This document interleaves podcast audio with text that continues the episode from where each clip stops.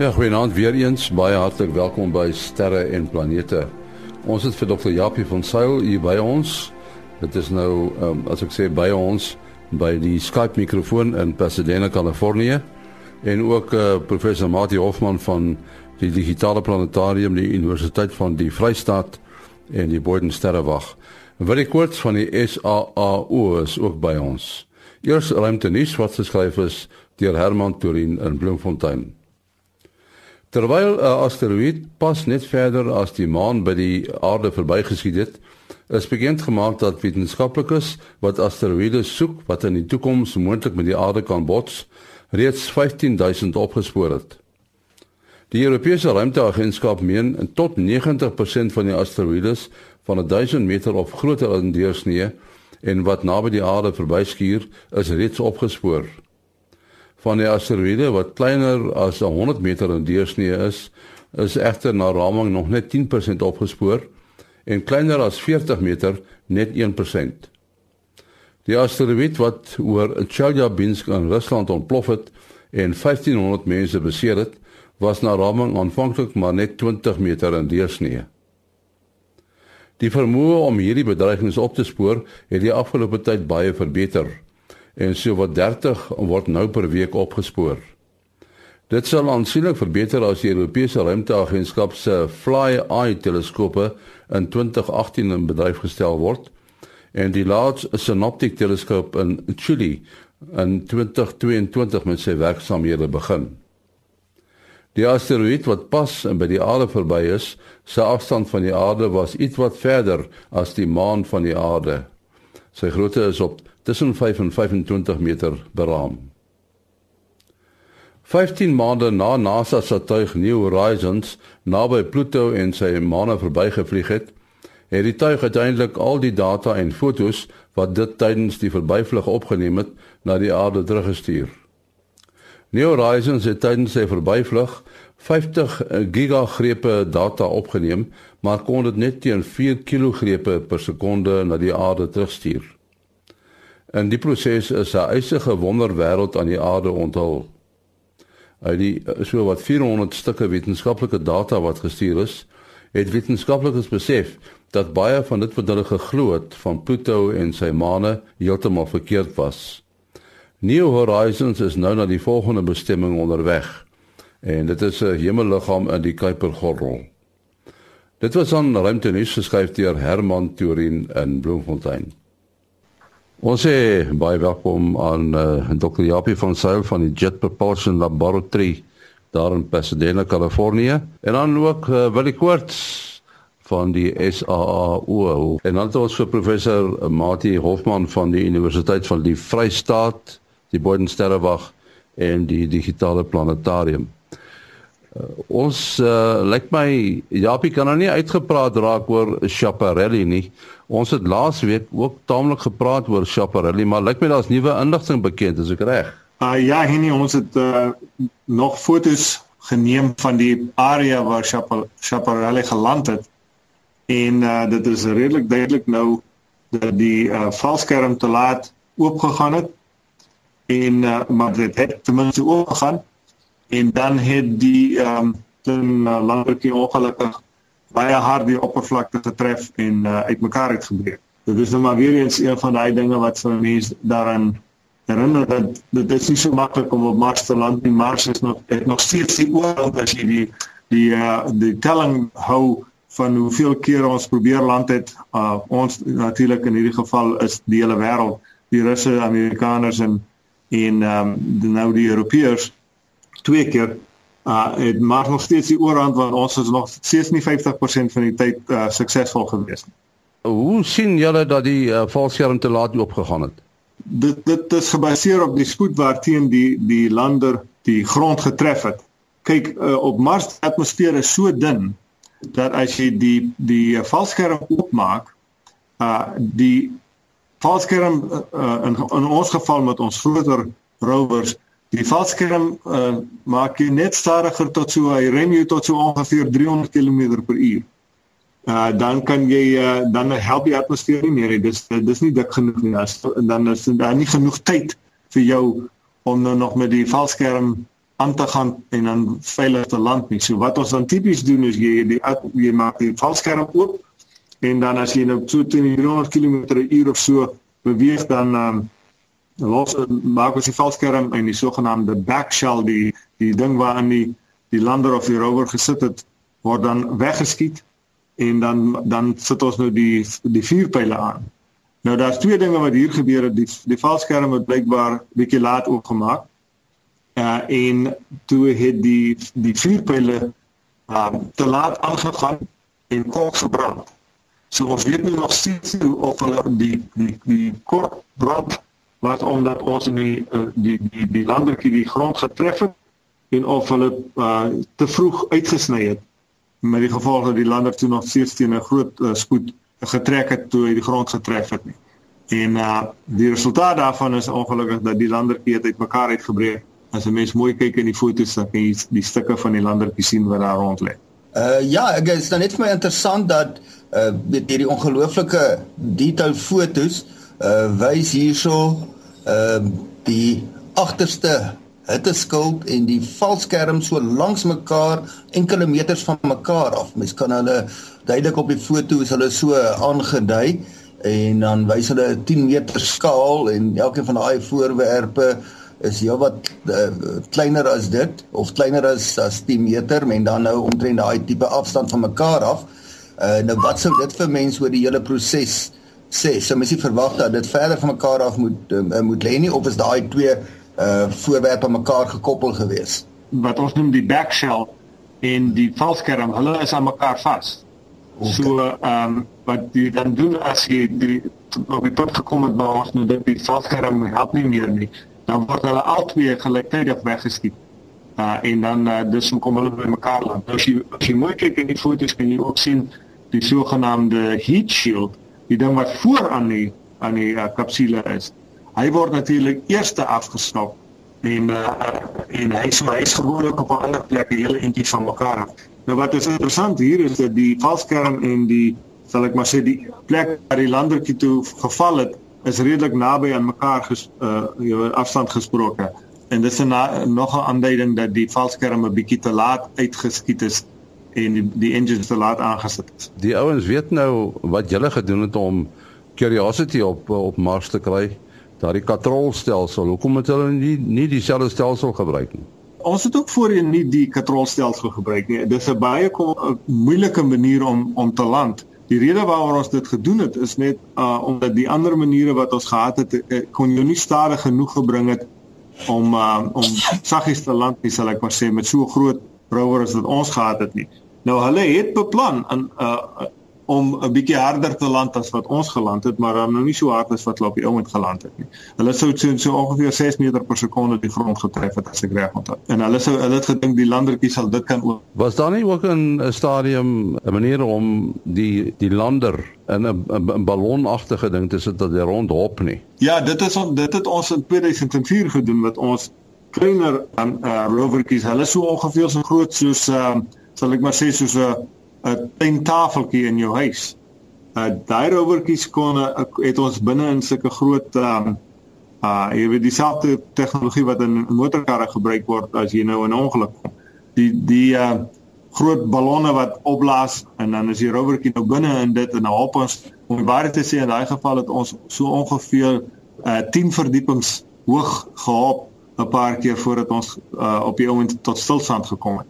Maar soos ek sê op da, toe ons nou met die groot rover moes gaan, het ons weer die berekenings gedoen en uh jy so soveel van daai ballonne moes saamvat dat ons nie op die rover die rover moes belas het. So ons gou so so liewer die, die rover vat tot ons nou maar met hierdie katrolstelsel voor 'n dag gekom. Ek neem aan as as jy nou um die gewone lugsak tegnologie soos jy sê wat op motors gebruik word uh op Mars gebruik, moet jy seker ook 'n uh, uh, bietjie mooi berekeninge doen want Mars het maar 'n 1% atmosfeer teenoor die aarde sit. So as jy hom nou te hard oppomp, dan gaan jy hom bars. So jy moet seker daai ja. sommetjies gemaak. Dis natuurlik die een ding en die ander ding wat ons nou baie probleme gegee het ons die goed ontwerp ontwerp en ontwikkel het is die feit dat daar's natuurlik ook dis nie mooi sag en jy nou weet sagte sand en so aan en daar's klippe en al sulke goeters. En met die toetse wat ons hier gedoen het, het ons dan nou die klippe so op 'n area neergesit en dan uh jy die die vroeë ontwikkelings wat ons gedoen het, meeste van dit hulle het gebars sodra hulle die klippe getref het en die soort van goed. So dit was 'n groot ontwikkeling om die ballonne reg te kry, maar soos ek sê, jy kan nie baie swaar vragte met die goederes land nie. So hierdie met hierdie katrolstelsel kan jy baie groter vragte op Mars land en dis so dis hoekom ons dit toe nou met uh die uh, Curiosity landing gebruik. Kom ons beweeg na uh, iets heeltemal anders, die uh, die Dawn tuig en Ceres. Ons het nou lanklaas daaroor gepraat.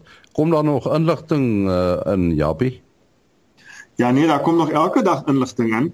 Uh die Dawn sending het nou net het ons die toestemming hier gekry om so 'n sogenaamde nog 'n extended mission te maak. Uh so hulle gee vir ons nog 'n klompie geld tot min of meer Junie of volgende jaar om nou nog die satelliet aan die gang te hou. Ons verwag om dan uit brandstof uit te raak min of meer in daai tyd, my miskien 'n bietjie vroeër. En dan sal ons natuurlik nou nie meer die die satelliet kan beheer nie en dan sal hy nou maar om series bly wentel vir die res van uh solank as wat hy leef, sal ek maar sê. In die, in die tussentyd kry ons natuurlik nog baie goeie data terug. Ons kameras en alles werk nog perfek op die op die satelliet. En een van die uh ontdekkings wat uh, nie te lank gelede gedoen is nie is dat daar 'n uh, 'n sogenaamde cryovolcano, 'n uh, baie koue vulkaan op uh op Ceres is. En hierdie vulkaan moes in die laaste uh, binne die laaste biljoen jaar uh het hierdie vulkaan nog laaste uitgebars. Nou as mense sê uitbars in hierdie geval, dit is nie lava en so aan wat uit uitkom nie. Dis eintlik ys wat stadig maar seker uitgedruk word. Die teorie is nou dat Ceres ook 'n uh, uh, ondergrondse uh, oseaan uh, het uh, nie onder ys nie maar ondergrond en klippe. Uh, uh, uh en die uh, die oseaan is meestal in ysvorm en so nou en dan word van hierdie ys nou 'n bietjie um vloeibaar en dan druk hulle na die oppervlakte soos wat lava op die aarde sou uitdruk en uh, die groot berg wat hulle nou op uh Ceres uh, ontdek het called uh, sy naam is Ahuna Mons uh is so 'n uh, cryovulkaan waar hy nou die ys met die tyd so uitgedruk het. Ja, mense kan seker aanvaar dat daar meer sulke verskynsels is, nê. Nee. Ja, daar's daar's sterk aanduidings dat dit op op ander uh, maane van die die ander um groot planete ook gebeur dat hierdie sogenaamde cryovulkanisme en, en natuurlik die die mees uh, opwindende voorbeeld daarvan is die die water wat uit uh, Enceladus, een van die maane van Saturnus uitspuit. Dit is maar net 'n uh, dieselfde idee van 'n 'n uh, cryovulkaan waar jy nou water uitspuit in plaas van lava. So so die ontdekking is is dit dan um, net deur beelde of of neem julle ook 'n uh, tipe van 'n spektrum of of om om te sien dat dit wel ys is? Uh, ja, ons het spektrums ge, uh, uh, geneem Uh dit wys dat daar waterys op die oppervlakte is, maar die die grootste aanduiding vir hierdie was natuurlik van die beelde af. En omdat ons kan stereo uh fotos neem, kon ons nou die driedimensionele deel uh sal ek maar sê beeld van hierdie uh berg saamstel en as jy kyk daar is vulkane byvoorbeeld in uh in Rusland en so voort. Hulle het presies dieselfde vorm omtrent as hierdie berg wat op uh, Ceres is. En dan die ander aanduiding dat dit 'n uh, 'n uh, 'n jong, sal ek maar sê, 'n jong berg is, is as jy kyk die terrein om die berg homself, hulle is vol pokmerke van die uh, jy weet die meteoriete en so en wat seriese oppervlakte getref het. Maar hierdie berg het baie minder as die res van die uh, area rondom hom. Wat in geologiese terme beteken die oppervlakte van die berg is baie jonger as die oppervlaktes rondom hom. So die berg het gevorm nadat hierdie oppervlaktes gevorm het en met ander woorde hy moes uitgedruk geword. Ja, gewoonlik met 'n vulkaan as uh, lava uit uh, uitspuit en uitgedruk word, is dit die hitte wat uh, veroorsaak dat die dat die lava uitkom en wat ook al verder.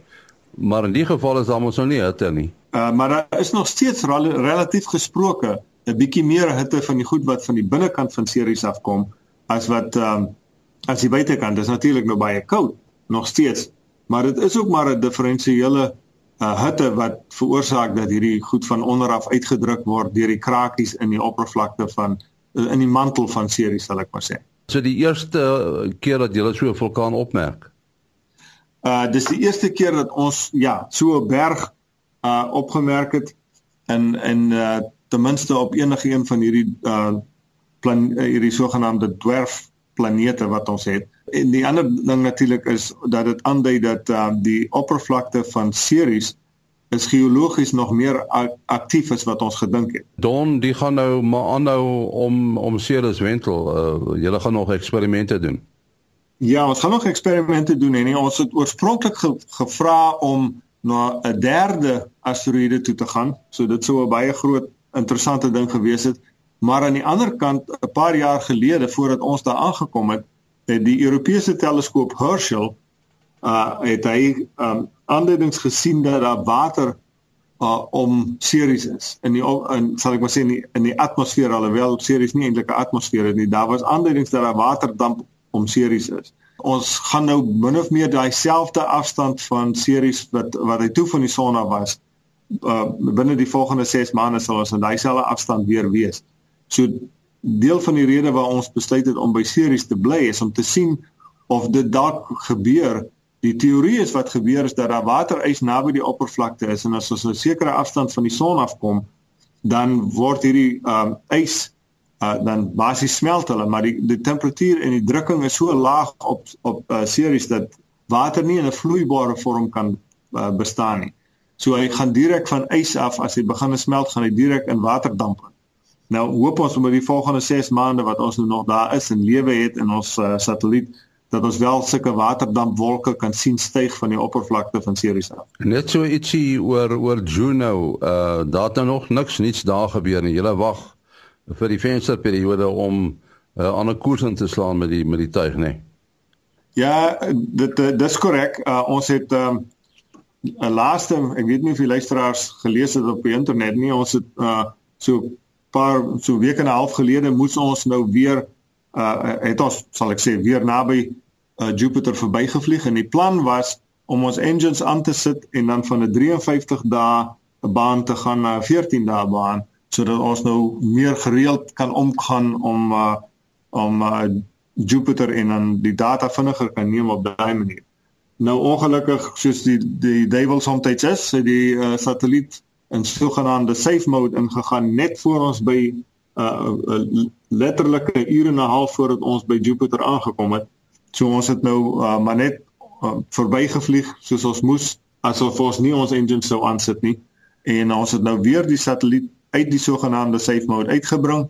Die rekenaars is daarom almal alright en so ons sal nou die 11de Desember kom ons nou weer naby uh, Jupiter en dan sal ons kyk of ons op, op daai stadium die die engine sal aansit en na uh, die 14 dae Ja, ek uh, sit nou net en wonder met hierdie sendings. Mense weet nou die die harde ware is baie belangrik.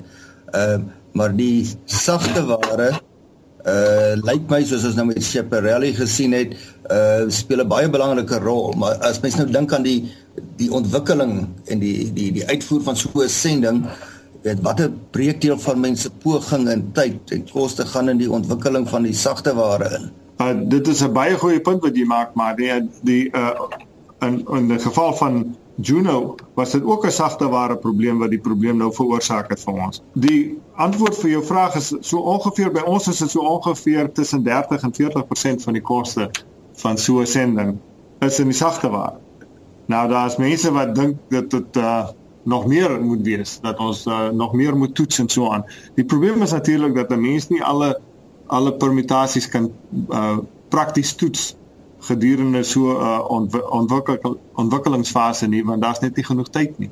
En nou probeer jy maar alles toets wat jy kan, maar soos wat ons beter raak om uh, outomatiese toetsprosedures en so aan te ontwikkel, behoort ons minder sagte ware probleme in die toekoms te hê. En dit die, die probleem of course is uh, natuurlik is dat die mense baie meer kompliseerde masjiene bou. So dit maak dit moeiliker om hulle te toets. So dit is 'n is 'n baie interessante probleem.